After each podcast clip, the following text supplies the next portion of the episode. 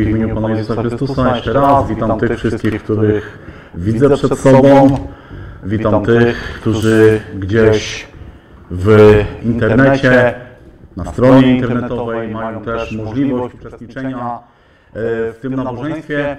Wiecie, powiem to, co już kilkakrotnie z tego miejsca padało, chyba nawet też dzisiaj, że ten czas, jaki mamy, jest takim trudnym czasem. Ale wiecie, z drugiej strony popatrzmy na to w ten sposób, że jest to czas, który może być czasem błogosławiony. Dzisiaj, pomimo tego, co się dzieje, możemy spotykać się, możemy mieć społeczność, możemy słuchać Bożego Słowa i wiecie, chociaż nie jesteśmy fizycznie tutaj wszyscy, to wiem, że duchowo możemy być razem. Możemy być razem z ze sobą, ale możemy być razem w społeczności z Ojcem, z Synem i z Duchem Świętym. I to jest wielkie błogosławieństwo tego, tego czasu. Tak jak już było wspomniane, tutaj chciałbym dzisiaj zająć się tematem, kolejnym tematem z tych broszurek, które przerabiamy sobie, tych tematów zborowych, a mianowicie tematem suwerenności Boga w zbawieniu. I mamy tutaj dwa takie bardzo ważne, dwie, dwie takie bardzo ważne zagadnienia. Z jednej strony jest to suwerenność Boga, z drugiej strony Jego suwerenność w zbawieniu. I zdaję sobie sprawę, że nie uda nam się przejść przez cały ten temat, ponieważ no, wiele książek na ten temat napisano, wiele wykładów i tak dalej, ale chciałbym, żebyśmy biblijnie spojrzeli sobie na ten temat. Myślę, że temat na czasie, bo dzisiaj żyjąc w tych tych czasach, z, to co też brat Łukasz powiedział, kiedy w pewien sposób myślimy, co będzie jutro, co będzie za tydzień, co będzie za kilka dni. Wiecie, nigdy, powiem szczerze, nigdy, nigdy nie myślałem o tym, co, co będzie jutro, czy pójdę do pracy, czy nie pójdę. To było takie naturalne, prawda? Wstaję rano, chcę czy nie chcę, idę. Dzisiaj wielu ludzi już tego nie wie. A pomimo tego, że to się dzieje, właśnie musimy pamiętać, że to, co się dzieje, czy nam się podoba, czy nie, czy y, rozumiemy to, czy nie, musimy pamiętać o jednej rzeczy. Mimo tego, że my tego nie rozumiemy, mimo tego, że my nie podoba nam się to, Pan Bóg, który jest suwerenny, nad tym czuwa. I on, on o tym wie od początku do końca. Chciałbym, abyśmy sobie otworzyli Księgę Izajasza, 55 rozdział i dwa wersety z tej księgi przeczytajmy. Werset 8 i werset 9 i czytamy tam, Pan Bóg mówi, bo myśli moje to nie myśli wasze, a drogi wasze to nie drogi moje, mówi Pan. Lecz jak niebiosa są wyższe niż ziemia, tak moje drogi są wyższe niż drogi wasze i myśli moje niż myśli wasze. Wiecie, i w tym fragmencie pokazane jest to, jak bardzo Bóg różni się ode mnie i od Ciebie. Jak bardzo Jego sposób myślenia, jak bardzo sposób Jego postępowania jest inny niż mój, niż Twój, niż każdego człowieka, a z drugiej strony, jak bardzo jest niezrozumiały dla nas. Wiecie, my jesteśmy ludźmi, którzy chcieliby wszystko rozumieć. Jako ludzie chcielibyśmy, na cokolwiek byśmy nie, nie, chcieli, nie spojrzeli, to chcielibyśmy to rozumieć. I też bardzo często chcielibyśmy rozumieć wszystkie drogi i zamysły Boga. Ale tak nie jest. Ponieważ to, co przeczytaliśmy, Bóg mówi, bo moje myśli są inne niż wasze. Bo moje drogi, moje zamysły są inne niż wasze. Zobaczcie, jakże często coś się zaczyna i my nie znamy tego zakończenia. Pan Bóg je zna. Jako ludzie jesteśmy ograniczeni. Nasze ciało jest ograniczone. Nasz sposób myślenia jest ograniczony. Nasze możliwości są ograniczone. Jesteśmy ograniczeni czasem, przestrzenią, grawitacją i wieloma innymi prawdami. Prawami. Bóg tego nie ma. Bóg nie jest tym ograniczony. On jest inny. Bóg jest suwerenny w swoim działaniu. Działa jak chce, robi kiedy chce i zawsze robi to na swoją chwałę. Kiedy my myślimy sobie o słowo, słowo suwerenny, co to znaczy, że Bóg jest suwerenny? Wiecie, taka książkowa definicja suwerenności mówi, że być suwerenny znaczy niezależny od uwarunkowań zewnętrznych, główny, najwyższy, zwierzchni, niepodlegający ocenie. To właśnie jest Bóg. Nie zależy od warunków zewnętrznych, jest najwyższym bytem, jest nie podlega niczyjej ocenie. Tak naprawdę Boża suwerenność mówi o Bożej mocy. Pan Bóg jest głównym bytem we wszechświecie. Wszystko, co się dzieje, wszystko, co powstało, co, co jest, co będzie i co było, jest z Jego woli. Mówi też o Bożej mocy. To Pan Bóg jest autorytetem zwierzchnim nad wszystkim. To On wszystkim kieruje. Wiecie, kiedy byśmy popatrzyli sobie na doktrynę suwerenności w Bożym Słowie, to wiecie, po pierwsze, Dzieje apostolskie, 15 rozdział, 18 werset, tam czytamy, tam jest taka dłuższa wypowiedź, ale ona się kończy takimi słowami, znane to jest od wieków. Bóg ma plan. Pierwsza rzecz, jaką, jaką musimy powiedzieć o Bożej suwerenności, to że Bóg ma plan. On nie robi niczego z przypadku, nie robi niczego od tak, nie robi niczego na zasadzie zobaczymy, czy się uda, ale Bóg ma plan. Od początku do samego końca. Dalej, jest to plan, nad którym Pan Bóg czuwa. Psalm 135, 6 werset mówi Pan czyni wszystko, co zechce na niebie i na ziemi, w morzach i we wszystkich głębinach. Pan robi wszystko w odpowiednim czasie. Wiecie, to jest plan, który obejmuje całokształt rzeczy i zdarzeń. List do Efezjan, pierwszy rozdział, jedenasty werset czytamy, w którym też przypadło nam w udziale stać się Jego cząstką, nam przeznaczonym do tego od początku według postanowienia tego, który sprawuje wszystko według zamysłu woli swojej. Zobaczcie, Bóg nie tylko ma plan, Bóg nie tylko na nim czuwa, ale ten plan obejmuje całokształt. Jeszcze nim, nim, my byli, nim, nim my się urodziliśmy, już Pan Bóg wiedział, jaki będę, jak będzie to wyglądać, jak będę żył, jak będę myślał, jak będę postępował. Wiecie, w tym Bożym planie Pan Bóg zawarł wszystko, też zło. Choć może nam się to wydawać dziwne, ale tak jest. Przy powieści Salomona, 16 rozdział, 4 werset czytamy Pan wszystko uczynił dla swoich celów, nawet bezbożnego na dzień sądu. Bezbożność, grzech, upadek człowieka, to też wszystko było zawarte w Bożym planie. Aczkolwiek nie znaczy to, że Pan Bóg jest zaangażowany w czynienie zła. Nie. Pan Bóg przewidział zło, Pan Bóg dopuścił zło, ale nie jest, nie jest kimś, kto w to zło się angażuje. I plan, celem tego planu jest ostatecznie Boża chwała. W liście do Efezjan też w pierwszym rozdziale 14 wersecie czytamy, który jest rękojmią dziedzictwa naszego, aż nastąpi odkupienie własności Bożej ku uwielbieniu chwały Jego. Zobaczcie, Bóg ma plan, Bóg panuje nad tym planem, Bóg kieruje i ten plan ma cel, a tym celem jest uwielbienie Bożej chwały. Wiecie, na tym możemy powiedzieć, że polega suwerenność Pana Boga. Że On ma plan, On go kontroluje, o, nic w tym planie go nie zaskoczy i celem tego planu jest Jego chwała. Wiecie, tak, tak myślałem nad jakimś biblijnym przykładem tego i przypomniała mi się historia pewnego człowieka ze Starego Testamentu, myślę, że go znacie, Józef. Kojarzycie? Pamięta, pamiętamy? Ukochany syn ojca. Faworyt.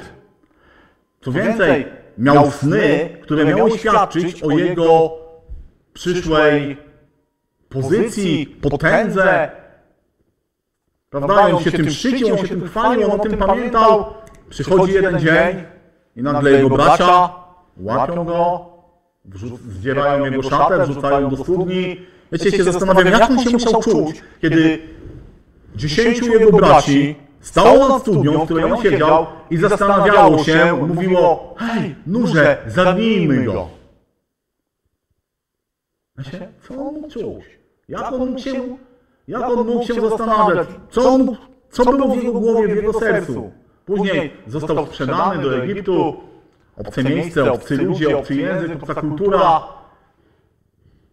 z ukochanego syna staje się niewolnikiem. Dalej widzimy, że można powiedzieć, wybija się w tym Egipcie, staje się kimś w domu Potyfara. Pojawia się żona Potyfara, fałszywe oskarżenia, trafia do więzienia, siedzi tam długi czas, potem znowu zmiana, staje się głównym człowiekiem po faraonie, ratuje Egipt, ratuje swoją ro- rodzinę, ratuje swój naród i w bodajże w 50 rozdziale pierwszej Księgi Mojżeszowej, kiedy zwraca się do braci, mówi Wy knuliście zło przeciwko mnie, ale Pan Bóg obrócił to w dobro. Wiecie, to jest chyba najlepszy przykład Bożej suwerenności w Biblii. I my dzisiaj też wielu rzeczy, przynajmniej nie wiem jak wy, ale ja wielu rzeczy w moim życiu nie rozumiem. Nie wiem dlaczego tak, a nie inaczej, ale mam świadomość, że suwerenny Bóg, Pan Bóg, który nad tym wszystkim czuwa, On wie i On zrobi wszystko dla swojej chwały. Wiecie, tak jak powiedziałem, ciężko jest nam pojąć taką tą doktrynę, tą prawdę o Bożej suwerenności, bo Bóg jest inny niż my, bo Bóg działa inaczej niż my, ale jest suwerenny. I tak naprawdę wszystko, co robi, jest dla Jego chwały. i jest ku naszemu dobru. I może dzisiaj tego nie rozumiemy, tak jak Józef mógł w wielu momentach swojej historii nie rozumieć tego, co się dzieje. Ale Pan Bóg dał mu na koniec zrozumienie. I dalej historia tego narodu mogła się toczyć. Historia Józefa, historia potomków, aż do, do historii Pana Jezusa. Temat, który, który jest dzisiaj poruszany, brzmi, wiecie, suwerenność Boga i tam jest taki jeden mały wycinek w zbawieniu. Miałbym takie pytanie, żebyśmy się zastanowili, kiedy mówimy o zbawieniu, to czym ono dla nas jest? Co to jest zbawienie? Wiecie, bo to jest taki temat, który przejawia się przez całe właściwie chrześcijańskie nasze życie. Mówimy o zbawieniu, mamy radość ze zbawienia. Wiecie, gdybyśmy spróbowali sobie zdefiniować słowo zbawienie, co to jest? I mogli, moglibyśmy powiedzieć kilka rzeczy. Na pewno jest to pojednanie z Bogiem. Człowiek jako istota, jako grzesznik nie ma szansy na pojednanie z Bogiem dzięki swoim staraniom. A w naszych sercach jest chęć podobania się Bogu. Chcemy być pojednani z Bogiem, chcemy mieć społeczność z Bogiem. I zbawienie to jest z jednej strony pojednanie z Bogiem, przywrócenie społeczności, to jest pewność życia wiecznego, to jest pewność relacji z Bogiem i myślę, że jeszcze wiele, wiele innych rzeczy moglibyśmy sobie na ten temat powiedzieć. Chciałbym, żebyśmy otworzyli sobie list do Efezjan, drugi rozdział i przeczytali pierwsze osiem wersetów. List do Efezjan, drugi rozdział, pierwsze osiem wersetów, czytamy takie słowa. I wy umarliście przez upadki i grzechy wasze, w których niegdyś chodziliście według modły tego świata, naśladując władcę, który rządzi w powietrzu, ducha, który teraz działa w synach opornych. Wśród nich i my wszyscy żyliśmy niegdyś w porządliwościach ciała naszego, ulegając woli ciała i zmysłów i byliśmy z natury dziećmi gniewu, jak i inni.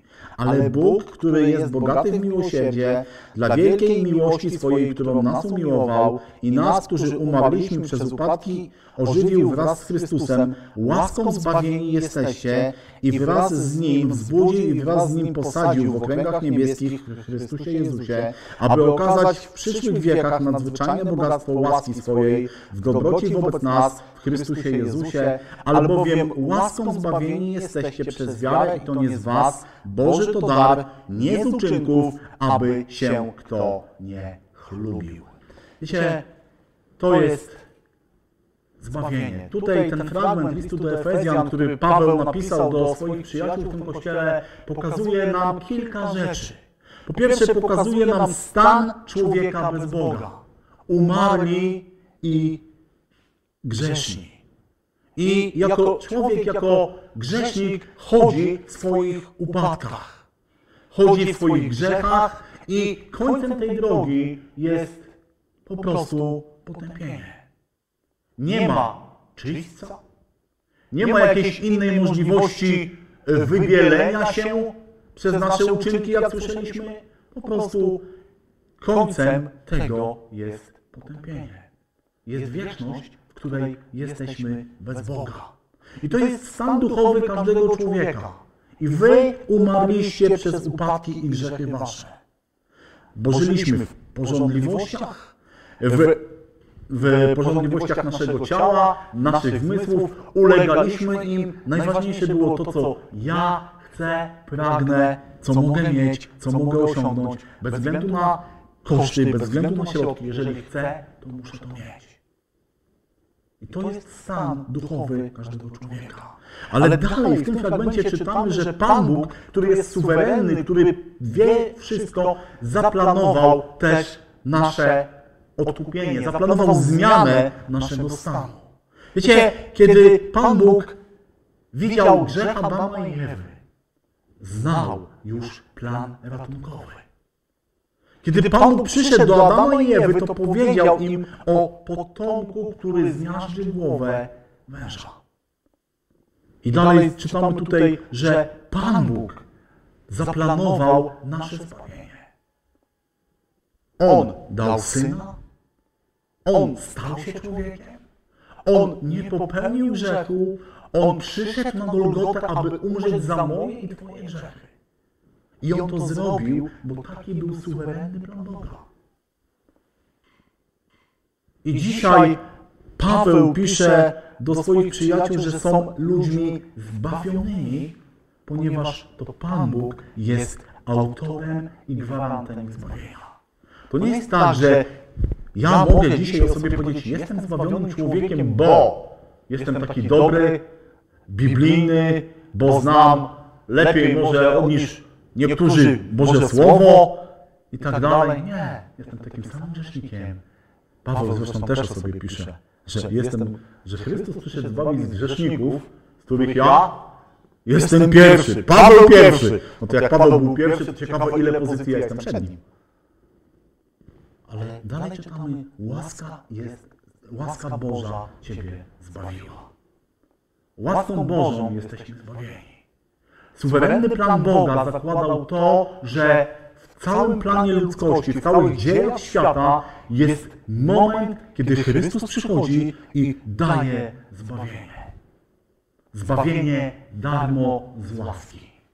I wiecie, i kiedy wiemy, czym jest zbawienie, kiedy wiemy, co zbawienie nam daje, pokój z Bogiem, pojednanie, pewność życia wiecznego, pewność społeczności, to musimy sobie zadać takie pytanie, które zadali sobie też uczniowie w Ewangelii Mateusza w 25 wersecie, w 19 rozdziale, kiedy przychodzi do... To jest taka historia, kiedy do Jezusa przychodzi bogaty młodzieniec i tam sobie rozmawiają.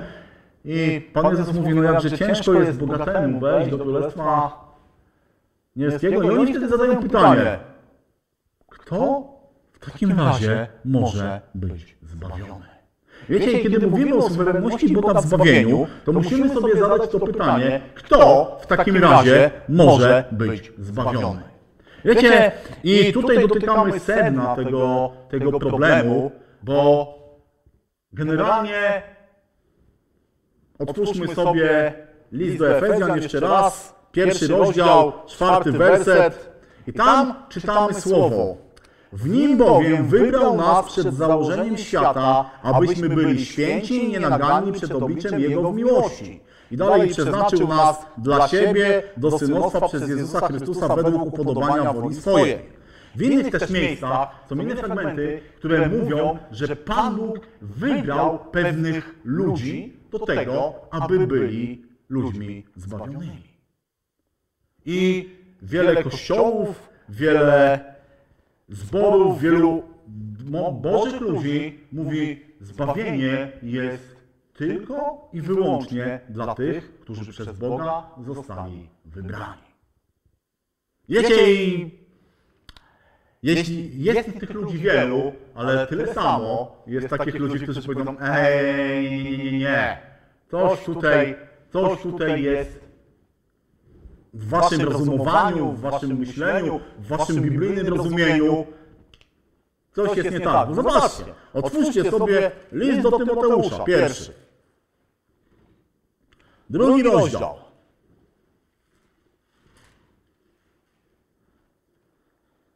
I spójrz, spójrzcie sobie, mówię pierwszy do, tak, pierwszy do Tymoteusza, drugi rozdział, czwarty werset. I spójrzcie sobie, tam jest mowa o Bogu, Zbawicielu, trzeci werset. Jest to rzecz dobra i miła przed Bogiem, Zbawicielem naszym, który chce, aby wszyscy ludzie byli zbawieni i doszli do poznania prawdy. A więc pytanie, kto może być zbawiony? Kto jest zbawiony? Czy tylko ci wybrani, czy też zbawienie jest dostępne dla wszystkich? Bóg jest autorem zbawienia. Bóg jest suwerennym dawcą zbawienia człowiekowi. Tylko pytanie, jaki jest Boży zamysł?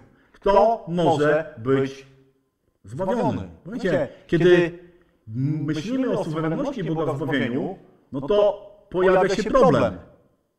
No bo, a co z moją wolnością? Co z moją odpowiedzialnością jako człowieka?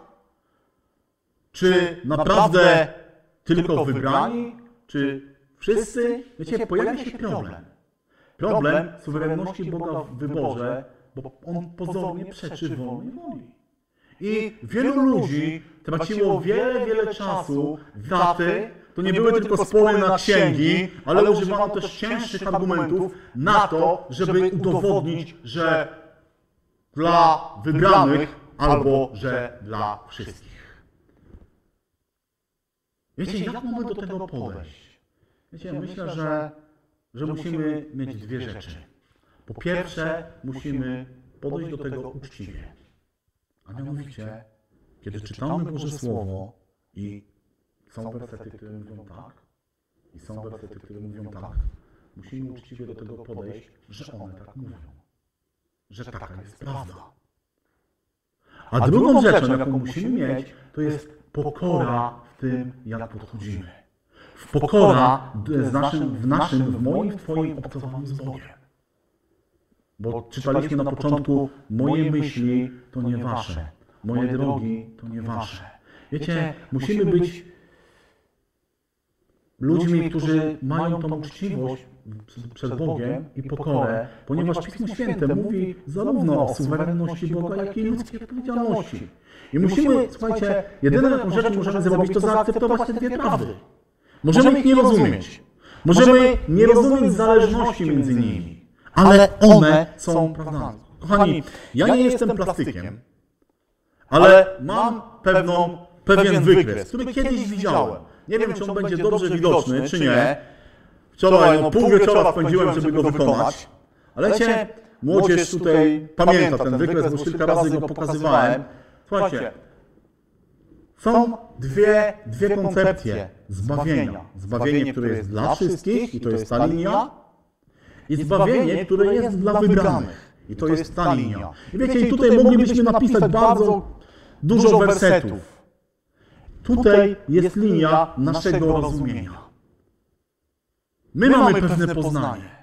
My mamy pewne zrozumienie. I wiecie, i dla nas dzisiaj, dla mnie przynajmniej, nie rozumiem, jak to jest możliwe, że ta i ta biblijna prawda, które pozornie wydają się, dla mnie wydają się sprzeczne, występują w Bożym planie. Ale wiecie, tu na górze jest Bóg. Jego myślenie, to o czym mówiłem, jego, spo, jego spojrzenie, jego wiedza jest zupełnie inna niż moja. I jeżeli dla mnie się to kłóci na moim poziomie poznania, wcale nie oznacza, że kłóci się to dla Boga, a wręcz przeciwnie. Na podstawie Bożego Słowa widzimy, że to się nie kłóci, że to jest logiczne dla Boga. Dla mnie nie.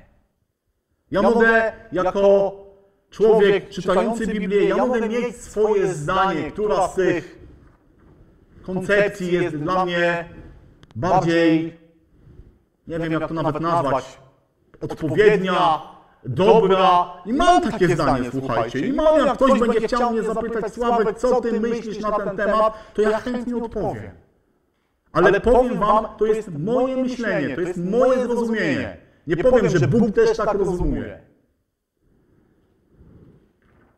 W Ewangelii Jana, wiecie, chyba taki najlepszy fragment, w jaki sposób można to wyjaśnić biblijnie.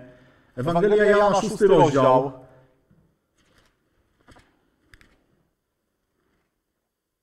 Kiedy, kiedy Pan Jezus rozmawia z ludźmi, kiedy rozmawia z uczniami, to wiecie, w 40, w 37 wersecie Pan Jezus mówi takie słowo. Wszystko, co mi daje Ojciec, przyjdzie do mnie, a tego, który do mnie przychodzi, nie wyrzucę precz. Dalej, 40, 40 werset. A to jest wola Ojca mego, aby każdy, kto widzi Syna i wierzy w Niego, miał żywot wieczny, a ja go wzbudzę w dniu ostatecznym. Jeszcze dalej, 44. Nikt nie może przyjść do mnie, jeżeli go nie pociągnie Ojciec, który mnie posłał, a ja go wstrzeszę w dniu ostatecznym. Dalej, 47. Zaprawdę powiadam wam, kto wierzy we mnie, ma żywot wieczny. 65. Dlatego powiedziałem wam, że nikt nie może przyjść do mnie, jeśli mu to nie jest dane od Ojca. Zobaczcie, w tym, w tym fragmencie, w tym fragmencie Ewangelii, Ewangelii Jana, Jezus mówi z jednej strony, że Ojciec jest dawcą, ale z drugiej strony, że mamy, my możemy do Niego przychodzić. To jest to, czego mówię, jako ludzie my nie potrafimy zrozumieć. Wiecie, i tak jak powiedziałem, możemy się sprzeczać. Możemy marnować czas i energię na to, żeby zastanowić się, żeby udowodnić sobie, jak to jest. Ale mówię, Boże Słowo mówi o dwóch rzeczach. Dla nas może pozornie sprzecznych, dla Boga logicznych. I wiecie, z drugiej strony to nie jest tak, że jedna droga musi udowodnić coś drugiej. Ale wiecie, jeżeli będziemy ludźmi, którzy będą tracić czas na takie udowadnianie sobie pewnych rzeczy, to może dojść do pewnych niebezpieczeństw. Już powiedziałem, wiele wojen się o to było. Wiele, wiele e, fałszywych, e, nie wiem, nauk, wiele fałszywych jakichś doktryn, wiele wypaczeń. I kochani, musimy, tak jak powiedziałem, być pokorni i uczciwi w tym. Bo tak naprawdę, wiecie, zawsze, jeżeli Biblia o czymś mówi, musimy też pamiętać o tym, że jeśli Biblia o czymś mówi, to nie zawsze musimy to rozumieć. Bo Pan Bóg daje nam pewien poziom objawienia. I jeżeli Biblia tutaj mówi o tych dwóch rzeczach, musimy zaakceptować te dwie rzeczy. I ale z jednej strony nie można nam powiedzieć, że a, jak, co ja się będę przejmował, jeśli Pan Bóg miał mnie wybrać, to nieważne co będę robił, to i tak mnie wybierze i powoła. A z, i, a z drugiej strony pamiętajcie, że też nie możemy powiedzieć, a też Pan Bóg to jest, jeśli zbawienie jest dla wszystkich, no to wcześniej czy później Pan Bóg tak każdego zbawi. Nie jest ważne jak żyje. Są też inne niebezpieczeństwa związane z tym, do czego Pan Bóg nas powołał. Wiecie, my jako ludzie bardzo lubimy zajmować się rzeczami, które nie rozumiemy do końca. A lekceważyć albo zapominać o, o rzeczach, do których Pan Bóg nas powołuje, do których, do których nas kieruje i których od nas wymaga. Nie wiem, czy zgodzicie się ze mną, ale zaobserwowałem jedną rzecz na obozach. Że młodzi ludzie, którzy po raz pierwszy są na obozach, albo po raz drugi zaczynają interesować się e, Bogiem, relacjami, wiecie od jakiej księgi zaczynają? Studiowanie swojego Bożego Słowa? Od objawienia świętego Jana. Od Apokalipsy. Kilkakrotnie na obozach spotkałem się wchodząc do, do pokoju, że chłopaki, co robicie? Czytamy Biblię. A można powiedzieć, wiecie, zupełnie młodzi, nowi ludzie. Po raz pierwszy na chrześcijańskim obozie, po raz pierwszy z Biblią. A co czytacie? Objawienie. Tak? Bo wujek, bo to będzie tak, bo to będzie tak. Wiecie, i, i są wiele koncepcji, natomiast mówię chłopaki, ale popatrzcie, zacznijcie od tego. Od tego, żebyście zdali sobie sprawę z grzechu, z Bożej, z Bożej łaski, z tego, co Pan Bóg od Ciebie chce, co chce zmienić w Twoim życiu. Ale nie, to nie ważne. Bo my chcemy wiedzieć. I bardzo często, niestety, kochani, jako chrześcijanie też wpadamy w tą pułapkę, że poświęcamy czas, poświęcamy energię nad, na y, badanie rzeczy, o których, tak jak mówię, Biblia mówi w sposób, którego my nie jesteśmy w stanie do końca pojąć. Są takie doktryny, kochani, nie tylko ta, że jak trzech braci, to mogą być trzy zdania. Wiecie, jeżeli my się wymienimy tymi zdaniami i powiemy, ja uważam tak, to mi bardziej pasuje, jest w porządku. Ale jeżeli zaczniemy domawiać, słuchaj, ja rozumiem tak, bo to jest biblijne, to mamy duży problem. I dzisiaj ludzie, może my, może my, może ty, może ja, może czasem zastanawiamy się nad tym problemem Bożego, Bożej suwerenności zbawienia. I wiecie, możemy poświęcać na to godziny, tygodnie, czy miesiące, czy lata, zapominając o tym, że Pan Bóg powołał nas do czegoś innego. Zapominając o tym, że jesteśmy powołani do bycia świadectwem, do tego, że jesteśmy powołani do głoszenia dobrej nowiny. No tak, ale po co, po co głosić, jak, jak, jak tylko wybrani będą zbawieni?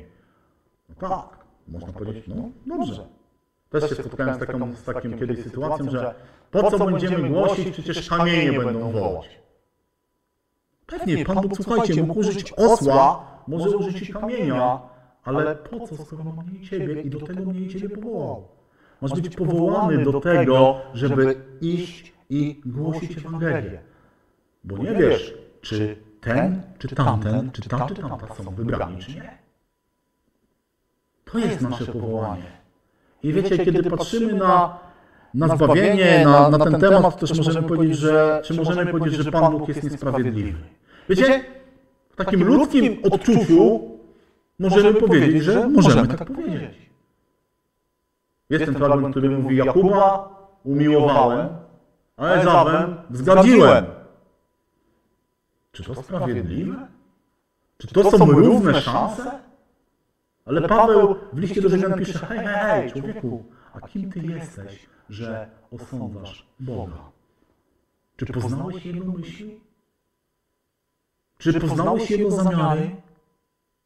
Nie. I nie zajmuj się, to, to może tak brzydko, brzydko zabrzmi, ale nie zajmuj się rzeczami, do których, o których nie masz pojęcia, ale pielęgnuj to, co Pan Bóg Tobie położył na serce. Swoje posłannictwo, swoją misję, swoją służbę, swoje świadectwo wśród innych, bo do tego jesteśmy powołani. A Boże zbawienie, jak, jak to jest, zostaw, zostaw to Bogu. Wiecie, też taki, takie zagadnienie, no tak, ale jak to jest właśnie z tym, z winą za grzechy, czy Pan Bóg sprawiedliwie potępi tych, którzy, którzy nie przyjęli Ewangelii? Tak, Pan Bóg sprawiedliwie potępi, bo On jest sprawiedliwy. Bo Jego sprawiedliwość jest inna niż nasza sprawiedliwość. I kończąc, jeszcze mam Mówiłem, nie, nie byłem dobry z plastyki, jeszcze gorszy jestem z pra, byłem z prac ręcznych, ale wczoraj wykonałem też taką pracę ręczną. Słuchajcie, jeden z wielkich bożych mężów powiedział, kiedy ktoś kiedyś go właśnie zapytał na temat, e, jak to jest, wszyscy czy wybrani, to on powiedział, wiecie, ze zbawieniem jest jak z drzwiami. I kiedy ja podchodzę do tych drzwi, to na tych drzwiach widzę napis dla wszystkich. Kiedy ja podchodzę do drzwi, które, które, którym symbolizują zbawienie, to widzę na nich napis dla wszystkich. Ale kiedy je otworzę i zamknę za sobą, to na drugiej stronie tych drzwi widzę napis dla wybranych. Wiecie, najważniejsze jest to, żeby, swoje, żeby uczciwie podchodząc do Boga jako człowiek zbawiony, swoje zbawienie sprawować z bojaźnią i zwierzeniem. Powinienem podsumować kilka rzeczy, więc spróbuję to zrobić. Nie jestem nigdy dobry w podsumowaniach, ale kochani, jeżeli chodzi o, pamiętajmy, co o Bogu musimy wiedzieć. To, że jest suwerenny w swoim działaniu. Że Jego myśli, Jego działania są dla nas niepojęte, i w wielu, w wielu miejscach nie będą do końca naszego życia zrozumiałe. Musimy y, do tematu zbawienia musimy podchodzić w ten sposób, że Biblia zarówno mówi o Bożym wybraniu ludzi, jak i powszechnej dostępności zbawienia. Jak to jest możliwe? Nie wiem. Która opcja bardziej do mnie przemawia? To wiem. Ale nie mogę powiedzieć, że to czy to jest nieważne, bo Pan Bóg pokazuje mi te dwie, mi te dwie rzeczy. Pismo Święte pokazuje zarówno suwerenność Boga, jak i naszą odpowiedzialność i musimy zaakceptować obie te prawdy. I możemy ich, tak jak powiedziałem, nie rozumieć. Możemy nie rozumieć, jakie, jakie są między nimi relacje. Ale Bóg wie. I to, to jest pocieszające w tej całej sytuacji, że Pan Bóg wie. A Ty, jeżeli jesteś człowiekiem zbawionym, jeżeli jesteś człowiekiem pojednanym z Bogiem, to wiesz co, nie zastanawiaj się, czy to było tak czy tak. Po prostu ciesz się swoim zbawieniem, pielęgnuj swoje zbawienie, pielęgnuj to, żebyśmy to, do czego Pan Bóg nas powołał, żeby w Twoim życiu było widoczne. A powołał nas do zwiastowania, do świadectwa, do życia w wierze i w pobożności. I niech nam Pan Bóg pomoże. Nie chcę powiedzieć, niech nam Pan Bóg pomoże zrozumieć to, chociaż też, ale niech, nas, niech nam Pan Bóg da, wiecie, taki spokój, żeby nie nurtowało to naszego serca. Ale niech nurtuje nas, nasze serca to, aby żyć z Bogiem jako zbawiony człowiek i Bogu się podobać i wypełniać to, do czego nas powołał. Amen.